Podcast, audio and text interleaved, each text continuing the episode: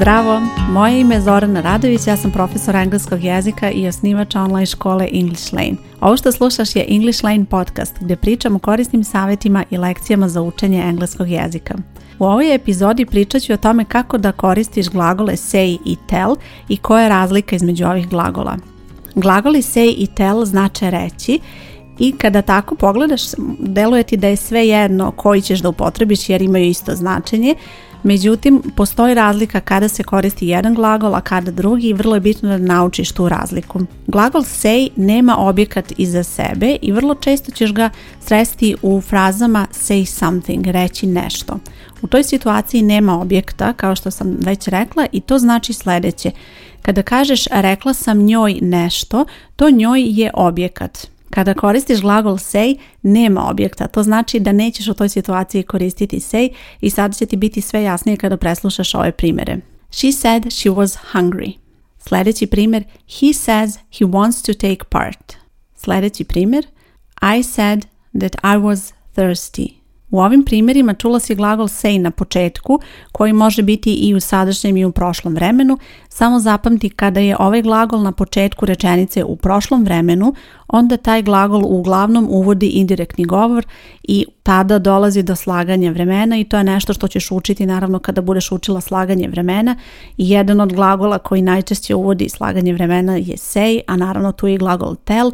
Postoje razlike kako se nastavlja rečenica kad je glagol say, kad je glagol tell i tako dalje, ali to je nešto što ćeš učiti detaljnije kada budeš učila indirektni govor. Sada je cilj da naučiš koja je razlika između upotrebe glagola say i tell.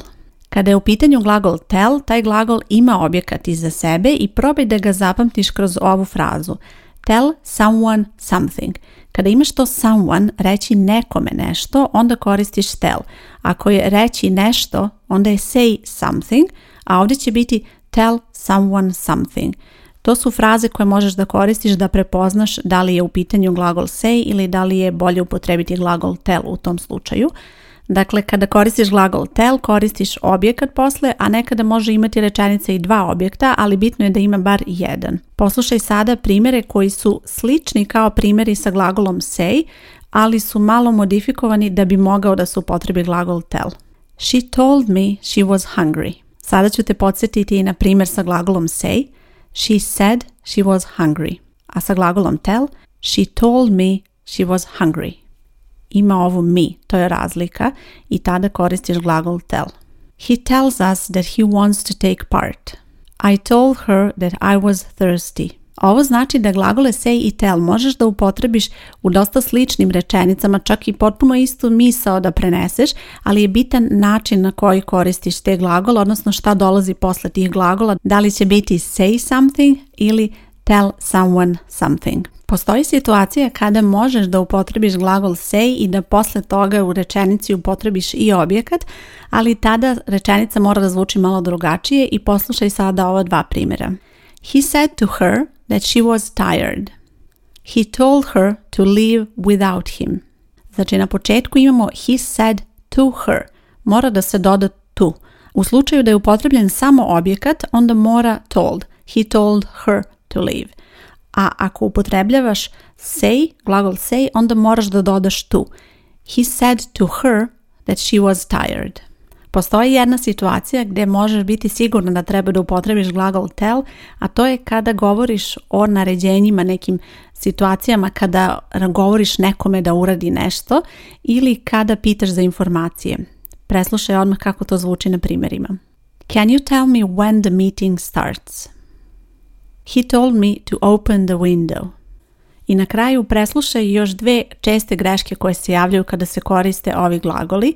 Objekat se ne koristi sa glagolom say. Ova rečenica je pogrešna. He said me to hurry up. U tom slučaju reći ćeš told. He told me to hurry up, zato što ima ovo mi, mi je objekatska zamenica, znači ima objekat u rečenici i mora glagol tell. Opet se vrati na ovu frazu koju sam rekla na početku tell someone something. To someone je objekat i zato možeš da uvek to iskoristiš kao neku formulu da proveriš da li ćeš upotrebiti say i tell. Vidi da li se ta rečenica uklapa, da li imaš to someone. U ovom slučaju to bi bilo me, a može biti i ime, može biti i neka druga zamjenica. Bitno je da je objekat someone reći nekome nešto i u tom slučaju moraš da upotrebiš tell. Pravilna rečenica glasi He told me to hurry up. Isto tako ne zaboravi ako nemaš objekat ne možeš da upotrebiš tell i onda u rečenici she told she would wait ta rečenica nije tačna jer nema objekta i moralo bi da se upotrebi glagol say.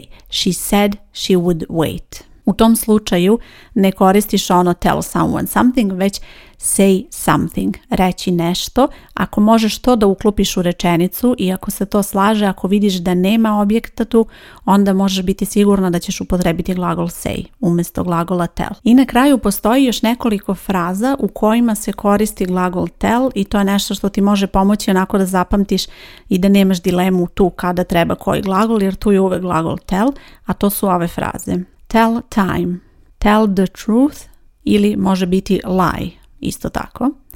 Onda imamo tell a story, tell a joke.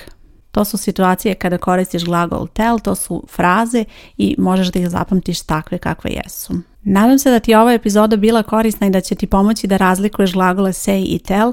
Ovi glagoli se dosta često koriste u indirektnom govoru i tu zapravo dolazi do najviše nedoumica kada upotrebiti jedan, a kada drugi glagol, ali one fraze koje sam pomenula već uvijek možeš upotrebiti da proveriš da li je jedan, odnosno drugi glagol, a to je say something ili tell someone something. I to je nešto što možeš da primeniš kada imaš nedoumicu da li da upotrebiš jedan ili drugi glagol.